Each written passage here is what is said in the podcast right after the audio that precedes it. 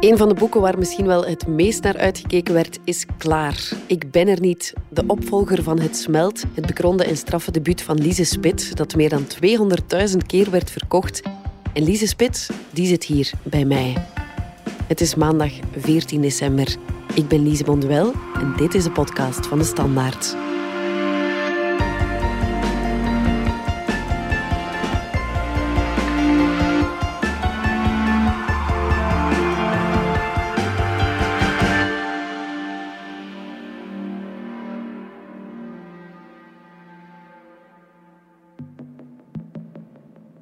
Lise Spits, je nieuwe tweede boek Ik ben er niet is nu out in the open. Hoe spannend is dat? Ja, heel spannend. het is nu twee dagen voor het uitkomt. Uh, vandaag, nu het gesprek doen. En een maand geleden was ik echt, wist ik echt helemaal nog niet wat ik had gemaakt. En ik heb toch het gevoel dat ik daar vaak het contact met anderen voor nodig heb om een klein beetje inzicht te krijgen. Alsof de lezing van anderen voor mij duidelijk maakt Ehm, wat ik eigenlijk echt gemaakt heb. Ja. En ik heb nu deze week twee of drie interviews gehad met mensen die het boek gelezen hebben. En dat was voor mij echt van onschatbare waarde om een beetje feedback te krijgen van buitenaf, niet vanuit de uitgeverij. Um, gewoon dat het iets tastbaar werd bij dat boek. Als je mij deze vraag een week geleden had gesteld, was ik ineengekrompen van de schrikkende schaamte. En ik heb het gevoel dat ik er nu na één week praten over het boek met anderen al een beetje meer sta ook. Het boek staat er, maar ik zelf eigenlijk ook wel wat meer. En heb je het aan andere mensen in je omgeving al laten lezen daarvoor? Dus er zijn drie mensen of vier mensen die hebben meegelezen tijdens het schrijfproces. Dat waren mijn twee redacteuren mijn partner, die ook schrijver is. Iemand op de uitgeverij die ook mee ehm, de redactie gedaan heeft. Maar dus eigenlijk allemaal mensen van binnenin, geen mensen die er verder vanaf staan. En zo mondjesmaat kom ik, kom ik meer mensen tegen die, die verder van mij afstaan en die het dan ook lezen en iets uh, objectievere blikken misschien. Terwijl in de uitgeverij zijn ze natuurlijk ook getraind om objectief naar een boek te kijken. Het is niet dat ze dat sowieso goed vinden omdat een van hun auteurs het geschreven heeft. Dat zou ook een beetje gek zijn. Dus, maar ik, ik ben daarin wel Ehm, iemand die snel andermans mening in vraag gaat stellen. Van ja, maar bedoelen ze dat nu echt zo? En zijn ze wel echt positief? Of doen ze dat nu om mijn plezier te doen? En daar, daar, zit ik dan veel meer over na te denken. Ja, is dat belangrijk voor jou? Ga je nu bijvoorbeeld als een, als een gek de recensies ook beginnen lezen? Um, ja, dat is wel dat is echt een goede vraag. Mijn zus die vroeg nog van, wat vind je nu het belangrijkste? Heel veel lezers vinden of hele goede recensies krijgen? En je moet mm één van de twee kiezen. En ik vind dat een moeilijke Um, ja, lastig om, om te kiezen. Eigenlijk het liefste veel lezers, hè, want dat is voor het boek ook gewoon het prettigste. En lezers is toch waarvoor je het doet. Dat zijn mensen die eigenlijk goesting hebben om te lezen. Terwijl recensenten die moeten soms ook gewoon een boek gaan lezen op het moment waar ze er eigenlijk misschien voor dat verhaal op dat moment weinig zin in hebben. Of dat komt dan na een ander boek. Dus dat is ook een hele andere leeservaring, denk ik. Maar toch is het, vind ik, recensies blijven wel voor een schrijver best lastig, omdat dat in, in, in de kleine wereld van schrijvers onder elkaar betekent dat wel iets. Voor, voor het boek zelf heb je het liefst veel lezers, maar puur voor mijn eigen kwetsbaarheid vind ja. ik recensies ook wel echt belangrijk. Want dat blijft lang hangen hoor. Een slechte recensie. Het smelt is niet zo vaak echt kritisch gerecenseerd geweest, maar hier en daar is er wel een keer een steek uitgedeeld. En ik ben daar nog altijd. Allee, nu niet elke dag. Verwerken. Maar ja, ik hoor die stemmen nog altijd. En die hebben veel meer gelijk negatieve commentaren dan mensen die het goed vinden. Kan je al iets verklappen waarover het gaat, je nieuwe boek? Ja, er zijn eigenlijk twee manieren om het boek voor te stellen.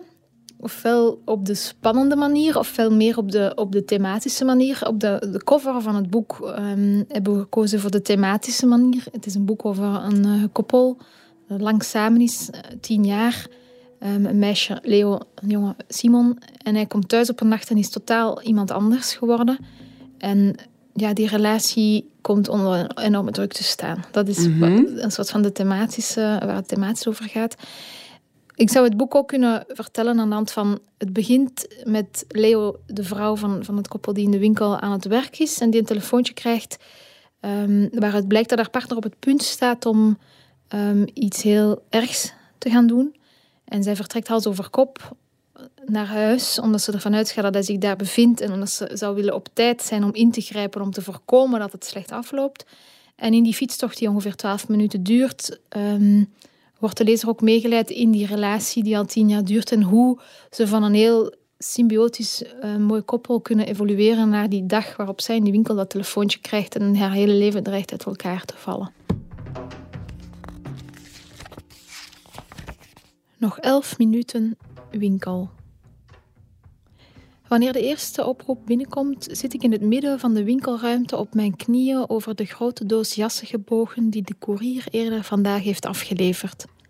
Het scherm van mijn telefoon moet hebben opgelicht, maar ik merk niets. Hij ligt enkele meters bij me vandaan op de toonbank op een stapel zijdepapier. Zelfs de trillingen maken geen geluid. Ik heb niet het minste benul van wat zich zo net heeft afgespeeld op nog geen kilometer verderop in de kantoren van Think Out Loud. Of van de paniekerige boodschap die momenteel wordt ingesproken door Lotte. Het blijft een heel lastig boek om, om over te praten. We hebben heel lang gezocht naar die flaptekst, omdat het een groot werk is geweest voor mij om dat zo op te bouwen, hoofdstuk na hoofdstuk, dat je telkens meer te weten komt. En dus als ik te veel verklap, geef ik eigenlijk al een soort van iets weg van... van ja. Allee, dan, dan valt een van de spanningsbogen al een beetje weg in het niets. Het liefst zou ik gewoon zwijgen over dit boek en gewoon zeggen, lees het. En, en dan werkt het het beste. Dan werkt het ook het beste, denk ik. Alles wat ik nu verteld heb, is in zekere zin al een klein beetje een ja, kleurt al iets in van hoe we het gaan lezen. Maar dat is bij elk boek zo. Hè. Ik zou elk boek eerst moeten lezen en dan pas moeten ja, erover horen praten en zo, ja. En vormt het boek nu een soort van geheel met het smelt? Of wou je het echt over een andere boeg gooien, qua thematiek? Ik wou het over een andere boeg gooien, maar ik denk dat het wel heel verwant is aan het smelt. Het gaat niet over een dorp, hè, want het speelt zich af in de stad. Het gaat niet meer over kinderen, het gaat over volwassenen. Dus dat mhm. is al een heel ander universum. Maar de taal is natuurlijk de mijne. En het is opnieuw geschreven vanuit eerste persoon enkelvoud. Dus dat maakt ook al dat het een, een heel een beklemmende leeservaring wordt. Want je zit in het hoofd van de persoon die alles meemaakt. Ja. En bij de uitgeverij waren ze wel blij met het boek, omdat ze zeiden, ja, het, het, het kan zeker de lezers van het smelt wel bekoren, maar het is wel iets nieuws in de zin dat ik zou durven zeggen dat het smelt meer staat voor de kindertijd en dit boek toch een soort van bijna qua chronologie opvolgend is. Of dit dan het, het, boek is van de volwassenheid die volgt op het smelt. Of zo. Ik kan het niet heel goed uitleggen, maar ik snap wel wat de uitgeverij daarmee bedoelt. 16 december 2018. Bij elke kerstbal die Simon ophing, keek hij aarzelend mijn kant uit. Hij was dikker geworden. Zijn t-shirt van de Simpsons viel anders. Homer's mondtuitje zat niet langer precies op navelhoogte, maar twee centimeter daarboven. Sinds het begin van deze week waren we samen thuis gebleven, zonder winkel die moest worden opengehouden of andere verplichtingen. We hadden voornamelijk animatieseries gekeken waarvan Simon alle afleveringen al kende. De Noordman had al die tijd kaal in huis gestaan. Door de warmte waren de takken gezakt. Hij hoopte er zelf steeds minder op. Niet alleen bij het versieren van de boom had Simon mijn bevestiging nodig. Hij kon zelfs geen ei meer bakken zonder een beroep op me te doen. Welke pan kon hij het best nemen? Op welk gaspietje kon hij die het best zetten? En wat zou ik doen? Boter of olie? En hoe lang moest zoiets bakken? Had ik een idee hoe lang mijn op het gevoel was? Minutenlang stond hij over een karton eieren gebogen omdat hij niet kon beslissen hoeveel stuks hij zou breken. Aan tafel schoof hij zijn stoel steeds een beetje dichter bij de mijne, tot het haast handiger zou zijn om één bord te delen. De meeste momenten dat ik thuis was, volgde hij me door het appartement zoals honden doen bij baasjes die eten op zak hebben. Hij kwam achter me staan wanneer ik ging koken, volgde me naar elke kamer, kwam naast me zitten wanneer ik op de bedrand mijn veters knoopte, wachtte zwijgend wanneer ik mijn jas aantrok en als ik op het toilet zat, stond hij in de deuropening naar me te kijken, steeds met dezelfde lege, droevige blik. Een hongerige hond die hoopt iets anders te krijgen dan wat al in zijn bakje ligt. Ik bezat geduld zoals een tube tandpasta. Zolang je het niet opgeeft, kun je er tot je verbazing steeds nog wat uitknijpen. Simon, sorry, maar mag ik alsjeblieft eventjes rustig kaka doen, zei ik op een ochtend. Hij zette een stap achteruit, deed de toiletdeur dicht. Ik kon horen dat hij aan de andere kant bleef staan. Sorry, lieverd, kom er maar weer bij, zei ik. Hij keek toe hoe ik mijn kont afveegde. Uit vrees dat buren en kennissen hem uit het oog zouden verliezen, probeerde ik het sociaal contact in zijn naam te onderhouden. Ik maakte praatjes op straat en legde een arm om Simon heen, om te benadrukken dat de interesse van ons beiden uitging. Ik stuurde een kerstkaartje naar Bavo in Simons handschrift dat ik perfect leerde te imiteren. Maakte bij elk gesprek met Lotte ongevraagd ook zijn groetjes over. Ik leefde, behalve een dubbel leven, ook nog anderhalf leven. Ik was de i in zijn ik geworden, hield zijn puntje in de lucht.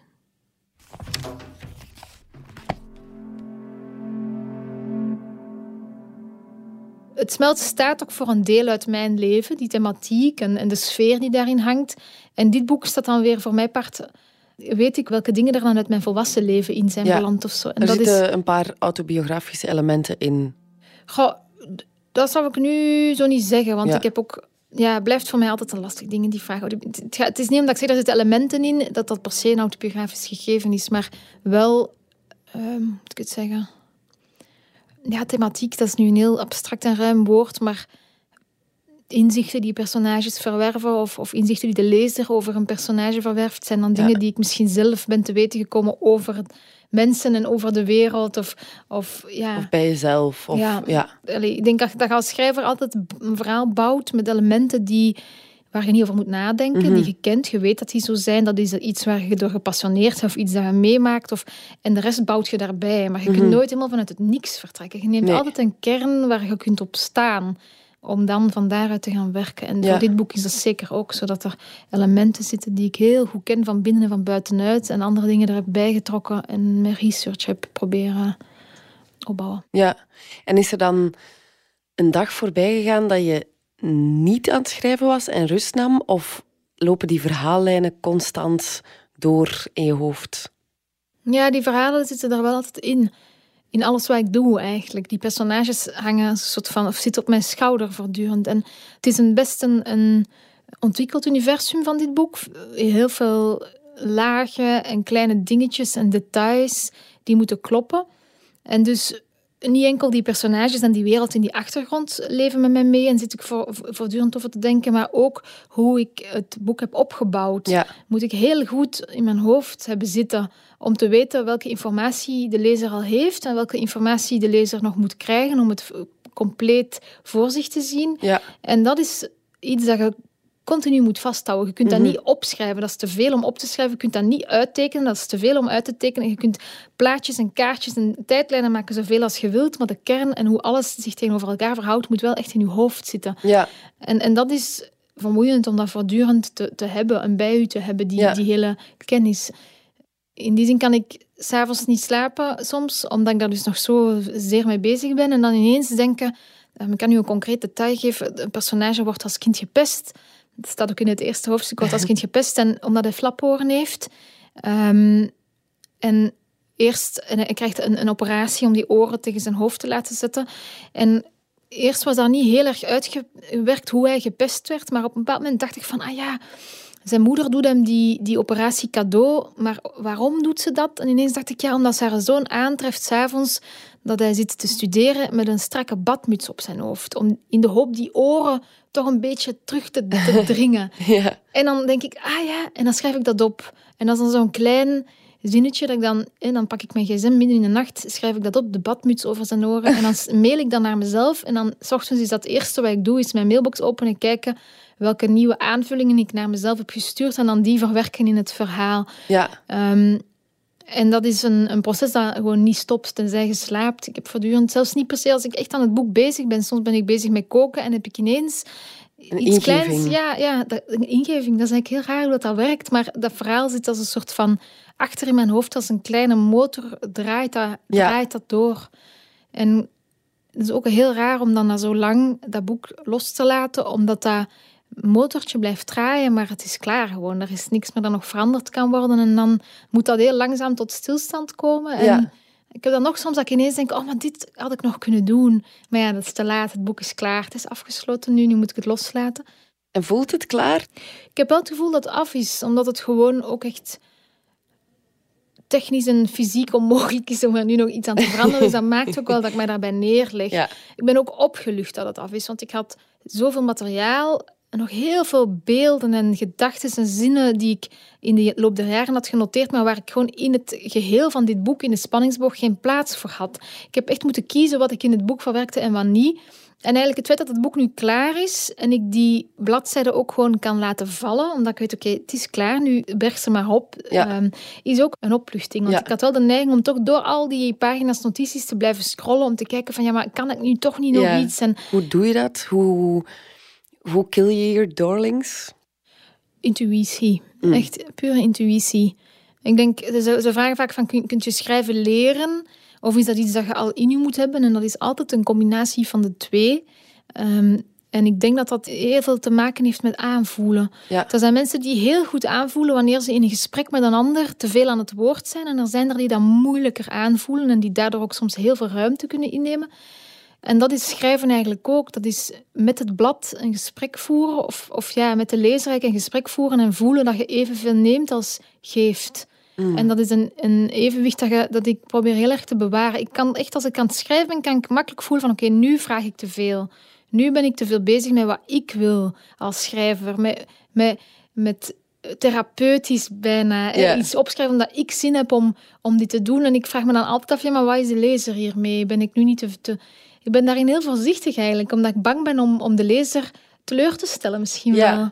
Ik ben eigenlijk veel bezig met de lezer. Sommige schrijvers, denk ik, doen dat veel minder. Die denken, fuck it, ik schrijf een boek en het is te nemen of te laten. En zo zit ik niet in elkaar. Niet in het leven. Tot, hè, ik ben iemand die dus in gesprekken heel erg bezig is bijna met onthouden hoe vaak ik aan het woord ben en ervoor zorgen dat dat altijd niet hè, te veel is. Omdat ik zelf vind dat dat belangrijk is dat mensen niet zichzelf in een gesprek ook de ruimte hebben om te praten. En dus in een boek is dat hetzelfde. Dat is een beetje een weerspiegeling misschien van, van ja. Dus dat is een aanvoelen.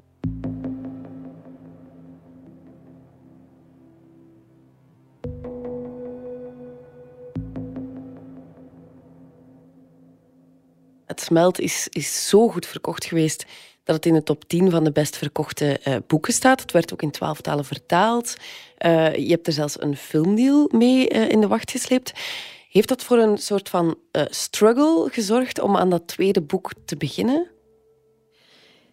Ja, zeker.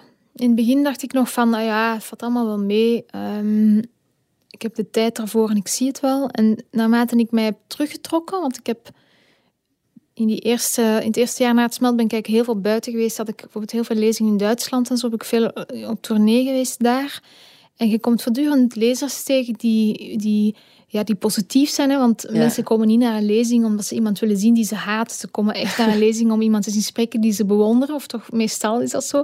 Dus eigenlijk word je een jaar lang omringd door mensen die, die je bewonderen. En dat is een heel raar gegeven. Mensen denken vaak wel dat het leven makkelijker wordt als je door iedereen wordt bewonderd. Maar het, het gaat toch vooral om hoe je zelf tegenover jezelf staat en het zelfbeeld dat je hebt. En het is maar goed ook, denk ik, dat je, of in mijn geval, dat ik in een succes niet van mezelf vond dat ik fantastisch was. Want als iedereen dat voortdurend om je heen bevestigt of zo, of je bejubelt om hetgeen wat je gedaan hebt, hè, met één boek ook maar. Hè. Laten we wel wezen, dat was één boek. Eh, dat was niet wie ik was helemaal of zo. Dus dat was één ding dat ik gedaan had. Het werd ontzettend uh, ja, iets groot ineens. En, en eigenlijk moet ik blij zijn dat ik zo ben blijven twijfelen aan mezelf. Want anders krijg je heel snel denk ik, gewenning aan het, aan het... Of ja, dan gaat je ook geloven dat het zo is. En dat heb ik eigenlijk nooit gedaan. Ik heb ook nooit gedacht, ik ben een fantastische schrijfster. Ik heb altijd gedacht, ik ben een schrijfster die een boek heeft gemaakt en die ontzettend veel geluk heeft gehad. Door timing, door goodwill van anderen ook. Um, en die ook geen slecht boek had geschreven. Dat kan ik nu ook wel zeggen. Ik ben wel blij met het smelt, maar ik heb daar nooit... Je zegt het zo heel bescheiden. Ja, maar dat is nu niet valse bescheidenheid. Dat is mhm. echt, denk ik wel, hoe ik daarin sta. En voor dit boek, toen ik dus mij terugtrok om echt gewoon te gaan schrijven, want het is ook heel lastig om in het gezoom van lezers en, en al dat positieve en in gesprekken met uitgevers in het buitenland en zo, de rust te vinden om aan iets nieuws te werken. Dus, maar toen ik me dan terugtrok en echt alleen was met, met dit nieuwe boek, was er wel een soort van terugslag waarin ik um, heel negatief ben gaan denken over mezelf en over wat ik kon. Dus ik, de instelling was echt van ik kan, ik kan dit, dit niet. En dat was toch de druk die ik altijd ontkend heb van dat valt wel mee en ik ben zelf wel de strengste. Dus dat zal wel meevallen van buitenaf die druk. Maar die druk vanuit mezelf was eigenlijk nog de allerlastigste. En dat gevoel, dat gaat dan nog, daar staat je mee op met dat gevoel van ik kan het niet. Maar op vlak van mijn, van mijn dagelijkse ja, strijd op met het witte blad, zo noemen ze dat dan. Ik had mhm. altijd genoeg tekst, maar het was meer dat ik alleen maar kon denken dit is niet goed genoeg, dit is niet goed genoeg. En dat het plezier mij ook begon te ontbreken. Mhm. En ik had een beetje in mijn hoofd het idee van goede boeken zijn toch vaak boeken waarvan het plezier van de pagina's spat. Dus mensen gaan dit voelen, mensen gaan dit niet goed vinden, ze gaan mijn worsteling voelen. Ja, het kon eigenlijk niet meer goed gaan, omdat, ik, omdat ik op alle vlakken wel dacht dat het, dat het tot iets negatiefs zou leiden. Ja, het was wel geen makkelijk boek om te schrijven. Mhm. En dan tijdens het schrijven is ook mijn leven best wel veranderd. Ik ben uit elkaar gegaan met mijn vorige partner. Ik ben van huis veranderd. Dus er waren ook rond dit boek heen dingen die veranderden, die ook wel maken dat je jezelf heel erg in vraag gaat stellen. En dat is op die, dus dat kwam eigenlijk allemaal een beetje samen. Ja. Dus um, ik hoop niet dat mijn volgende schrijfproces van een nieuw boek zo moeilijk gaat zijn als deze, want dan zou wel een keer de vraag kunnen ontstaan, waarom doe ik dit eigenlijk? Ik moet mm eerlijk zeggen dat ik, dat ik te weinig, eigenlijk echt fijne schrijfdagen heb gehad. Of die liggen al iets te veel achter mij om, om, om om te denken van, ah ja, hier doe ik het dan voor. Mhm. Maar nu van deze week, omdat ik dan lezers ontmoet en zo, die, die eigenlijk over het algemeen allemaal heel positief zijn, denk ik, ah ja, daar, daar doe ik het dan toch voor. Of zo. Dus, dus nu pas krijg je pas het gevoel van, oké, daar heb ik het dus voor gedaan. Ja, eigenlijk wel. En dat heeft, ja, ook wat te maken, oh ja... Een boek is zo vervlochten met een leven dat het ook moeilijk is om dat los te koppelen van alles. En ik heb eh, ja, persoonlijk een, lastige tijd achter de rug. En dat boek wordt mee aangetast door hoe, mhm. in het, hoe je voelt in het mhm. dagelijkse leven. Toen dit boek af was, had ik echt het gevoel van, ja, wat, wat is dit nu? Ehm, ergens weet ik diep van binnen waarom ik dit boek heb willen schrijven. Ik ben daar heel erg van overtuigd eh, dat dit voor mij is noodzakelijk geweest om op te schrijven. Dat is al heel lang met mij meeleeft, reist ook dat, dat thema. Maar ja, gewoon, ik, ik weet niet wat er, hoe, dat het juist zover gekomen was, dat ik een maand geleden echt gewoon niet meer wist. Wat, ja, gewoon echt heel onzeker was. Ik ben heel onzeker geweest. En dat is raar, omdat mensen denken, ja, en dat is succes. En, en nu, hè, die, hoeveel exemplaren er nu al gedrukt zijn, dat is mhm. ongelooflijk. Hè? Maar diep van binnen, gewoon is de, is, een, is, het, is de relatie van een schrijver tot zijn werk toch gewoon de kern. En ja, daar moet het zitten. En daar moet ook het vertrouwen zitten. En dat is er wel, maar op sommige momenten ook echt te weinig. Zeker omdat het zo dicht op je, op je huid zit en omdat het verhaal zo met je meeleeft. Ja. Mhm. Ik heb zelfs op een... Ik had een paar weken geleden echt het idee van... Ja, maar ja, een bakker die kan toch ook niet in zijn bakkerij staan en zeggen... Ja, deze brood, goh, het is toch... Ik weet niet of het gelukt is. Hè? Want je moet gewoon achter je ding gaan staan en zeggen... Ik heb dit gemaakt en... En en hier, het is het lekkerste wat er te krijgen is. en ik had de schrik van, moet ik dat niet gewoon gaan zeggen over dit boek? Dat mensen het gewoon aannemen dat het zo is en dat ik er ook zo over denk en kijk en het zo de wereld insturen. Ik moet eigenlijk gerustgesteld worden. En daar heb ik lezers voor nodig. Ja. Om, om te denken van, oké, het is oké wat ik gedaan heb. En dat is gewoon ook wie ik ben. Ik heb dat altijd als ik weet ik veel. Ja, Een kleedje koop, dan moet ik toch ook eerst vragen aan anderen, staat het mij? Ja, oh, en dan staat het mij pas. Ja, ja ik denk heel herkenbaar. Ik zou willen dat het anders was, want ik kijk ook vaak op naar mensen die die vanzelfsprekende um, zelfvertrouwen hebben, maar dat, dat is gewoon niet, niet hoe ik ben. Dus ja, goed, dan heeft dat ook maar het effect nu op, op, op, op mijn boek, dat ik daar zo aan heb getwijfeld. Ja. En heb je dan nu het gevoel dat bijvoorbeeld um, ja, je volgende boek nu um, heel hard vergeleken zal worden ook met het smelt? Ja, dat denk ik wel. Bij het smelt is het eigenlijk juist ook fijn geweest dat dat zo plots was. Dat succes van dat boek is ontstaan met de recensies. Want ik weet, er stond hier in de standaard bij jullie een vijf sterren recensie op de dag dat mijn boek verscheen. En dat was ongelooflijk. Voor mij qua gevoel, maar ook wat dat, dat dan heeft teweeggebracht. Dat was zo lovend, die recensie, dat er toen echt mensen naar de boekhandel zijn gegaan om dat boek te gaan halen. En zo kwam dat eigenlijk traag op gang. En dan nog een recensie. En dan in het begin zat daar geen marketing achter. Dat boek werd in de markt gezet met een perstekst. Um, waar wel over nagedacht was. Maar dat doen ze bij elk boek natuurlijk. En er waren toen nog geen budgetten voor promotie, omdat dat boek omdat dat er ook gewoon nog niet was. Mhm. Dus ik denk dat dat boek echt uit zichzelf zo is beginnen groeien en door de mensen die er lovend over hebben geschreven. En dat is een sneeuwbal geweest die traag is beginnen rollen. En tegen, pas later, toen dat succes groot werd, kwamen de kritische geluiden van mensen die dat boek hebben en daarnaast dat succes en dan die twee samenleggen en kijken wat vind ik hier nu van. Ja. Maar om dan dat boek nog los te zien van het hele succes lijkt mij heel moeilijk. Omdat mhm. dat boek pas na al die recensies ook zo ontzettend groot is mhm. geworden. En dit boek gaat daar sowieso wel gevolgen van dragen. Ja. En dat was ook wel de, de, de, denk ik, de druk die ik van mezelf voelde, is dat ik hoopte om een boek te kunnen schrijven dat zo goed was, dat het die twijfel zou wegnemen bij recensenten. Dat het, het ook het succes van het vorige zou goedmaken. Ja. En dat is een onwaarschijnlijke taak die ik mezelf oplegde, want dat gaat natuurlijk niet. ja. Ja. Maar heb je dan het gevoel gehad bij, bij het smelt bijvoorbeeld van... Oh, dit is zoveel groter geworden dan ik ooit had verwacht. Ja, tuurlijk. Ehm, ik had eigenlijk één concrete droom met dat boek van ja, en dan, en dan kan ik misschien zoiets gefotografeerd worden door een echte fotograaf en eens in een boekje staan. Dat was echt zo nog het idee toen ik dat uitbracht van, ik had zo'n rubriek doen in de, in de focusknak, denk ik, van eh, generatie nu. Ja, ja, ja, en dat was zo dat ik dacht, oh, als ik daar ooit eens kan inkomen. zo. Dat, en, en toen het smelt uitkwam, werd ik gebeld door de focusknak, maar was dat zo van, ja, we willen iemand in de generatie nu zetten, maar eigenlijk was ik daar al voorbij. Zie dat? Dat was dan eh, opkomend talent en ik was daar meteen over gesprongen. En dan vroegen ze mij om, om een achtergrondinterview te doen over iemand anders die ze in generatie nu zouden zetten. Toen besefte ik van, wow. Ja, wat is er juist ja, gebeurd? En, en toen dat mij dat overkwam, ik stond daar zelf van te kijken. Ik had dat nooit gedacht en ik ben daar eigenlijk nog altijd wel wat van geschrokken, zo moet ik zeggen.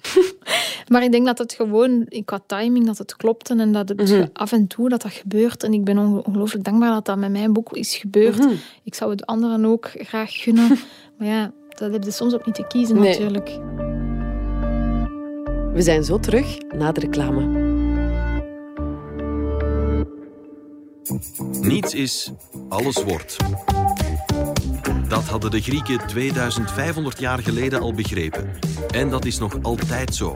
Vandaag wellicht meer dan ooit. Maar hoe vind je je weg in een wereld die almaar sneller verandert?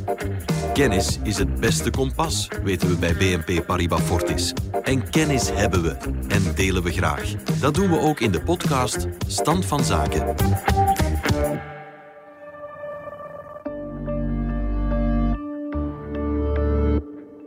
Ik las ook dat, eh, dat er de afgelopen jaren blijkbaar geen enkele dag voorbij is gegaan dat hij de vraag kreeg of dat tweede boek al uit was. Dat hij tot in de lijzen aangeklampt werd door mensen met de vraag van ja, wanneer komt dat nu? Wat zeg je daarop? Ja, ik ben altijd dankbaar geweest. Omdat ik dan altijd die mensen voor mij zag en dacht, maar die gaan het dan dus toch ook kopen. Dus ik schrijf dat tweede niet voor niemand. En dan weet ik natuurlijk dat ik het tweede niet voor niemand zou schrijven. Maar gewoon het feit dat ik af en toe eens iemand zag die dat dan uitsprak, vond ik eigenlijk wel fijn. Het jammer is dat die dat dan altijd vragen op het moment dat ik niet aan het werk ben. Want Ja. dan komen die mensen niet tegen. Dus dat is altijd wanneer ik in de lijst was of als ik een keer zelf iets ontspannend deed. dat ik dat, en dan voelde ik me altijd zo'n beetje tot de orde geroepen van ah ja, mensen wachten daarop. Eh, ik, moet er, ik moet er vaart mee maken. Ja, zo'n reminder van ik moet Ja. eigenlijk aan het schrijven zijn. Ja, ja, maar dat was ik ook meestal wel hoor. Maar gewoon niet zo snel als, als ik zou willen ook. Uiteindelijk heb ik er nu bijna vijf jaar over gedaan. En dat lijkt lang en tegelijkertijd is dat ook wel kort of zo. Hè. Mhm.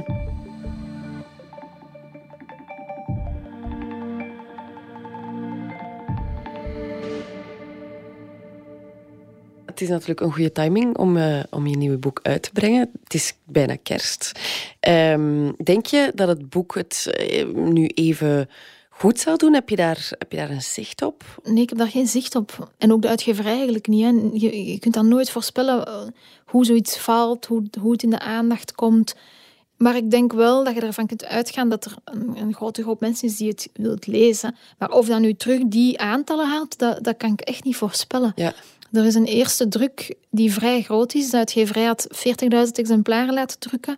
Ook vooral omdat het goedkoper is als je zoveel drukt, omdat je dan papier wordt goedkoper naar hoeverre je Oké. groter drukt. Dus ze dachten, we doen meteen een grote druk dan.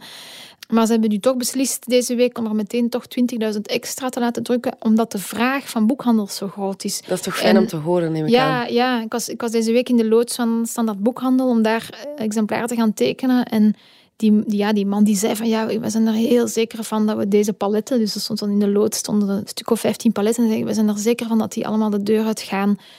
Ja, en ik kan dat dan toch niet 100% geloven, want, maar anderzijds is dat iemand die in het vak staat en die Ja. weet hoe zoiets gaat. En dan denk ik, ja, ik, als ik hem mag geloven, ja, dan, dan komt het wel goed. Maar 200.000 exemplaren, eh, dat is echt veel.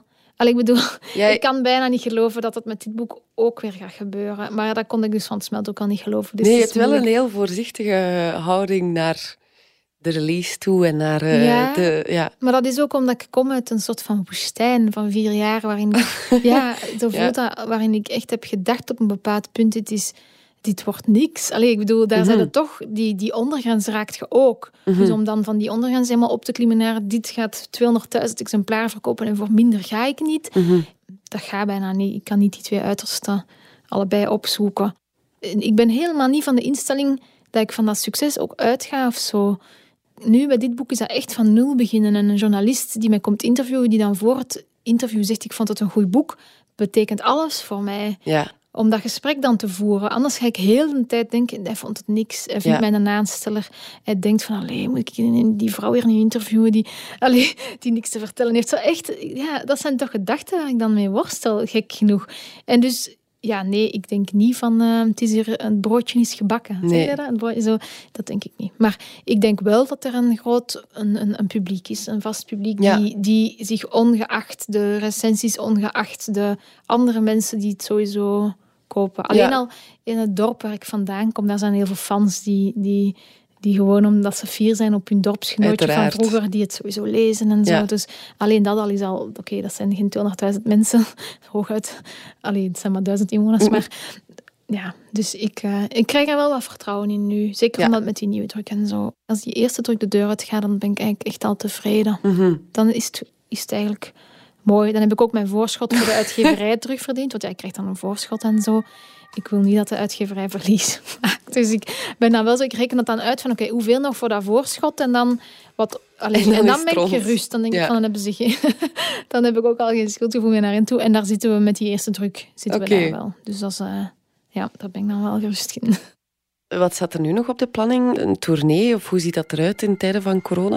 Ik denk dat veel cultuurhuis, bibliotheken voor het komende, allee, dit schooljaar bijna niks meer organiseren. En dat de meeste mensen nu een blik richten op het najaar van 2021. Dus dat is ook altijd heel raar dat ik dan aanvragen krijg. Soms wel 2022 al of zo. Want dan denk mhm. ik, oh, dat is nog zo ver weg. En ik heb ook de afgelopen twee jaar heel vaak nee gezegd op verzoekjes en aanvragen. En dingen die ik kon doen, die ik allemaal heb aan de kant gezet. Omdat ik eerst dacht, nog een boek. Ik wil het bewijzen of zo dat ik het in mij heb. Niet één ding heb gedaan en op basis van dat ene Daarop, uh, verder gaan. Ja.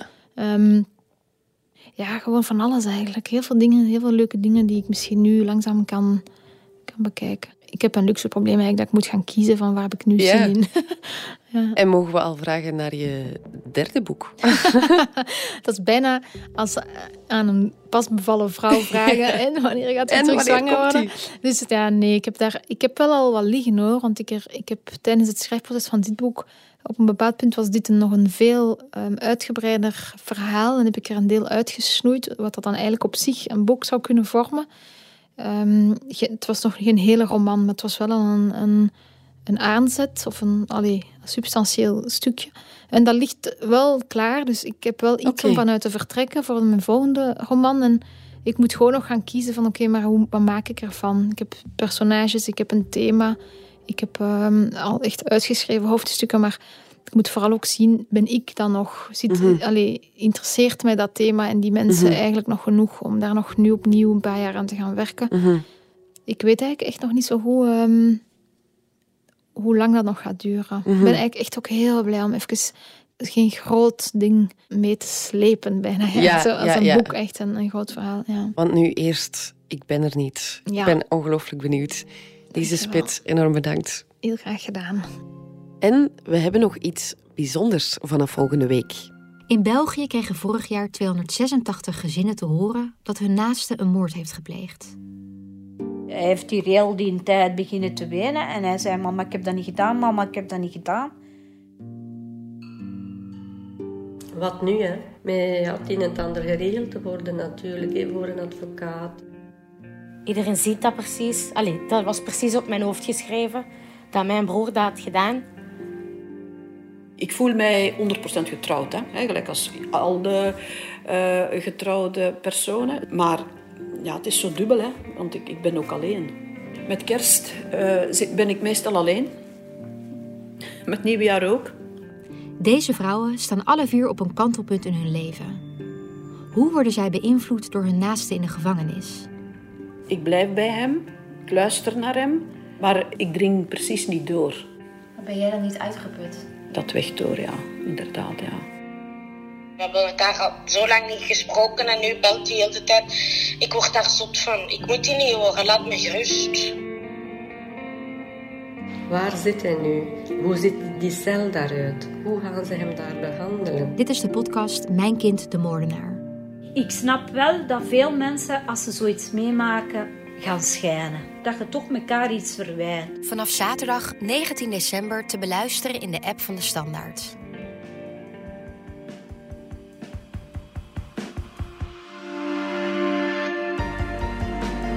Dit was de podcast van De Standaard. Bedankt voor het luisteren. Wil je reageren? Dat kan via podcast.standaard.be. Alle credits vind je op standaard.be-podcast. Morgen zijn we er opnieuw.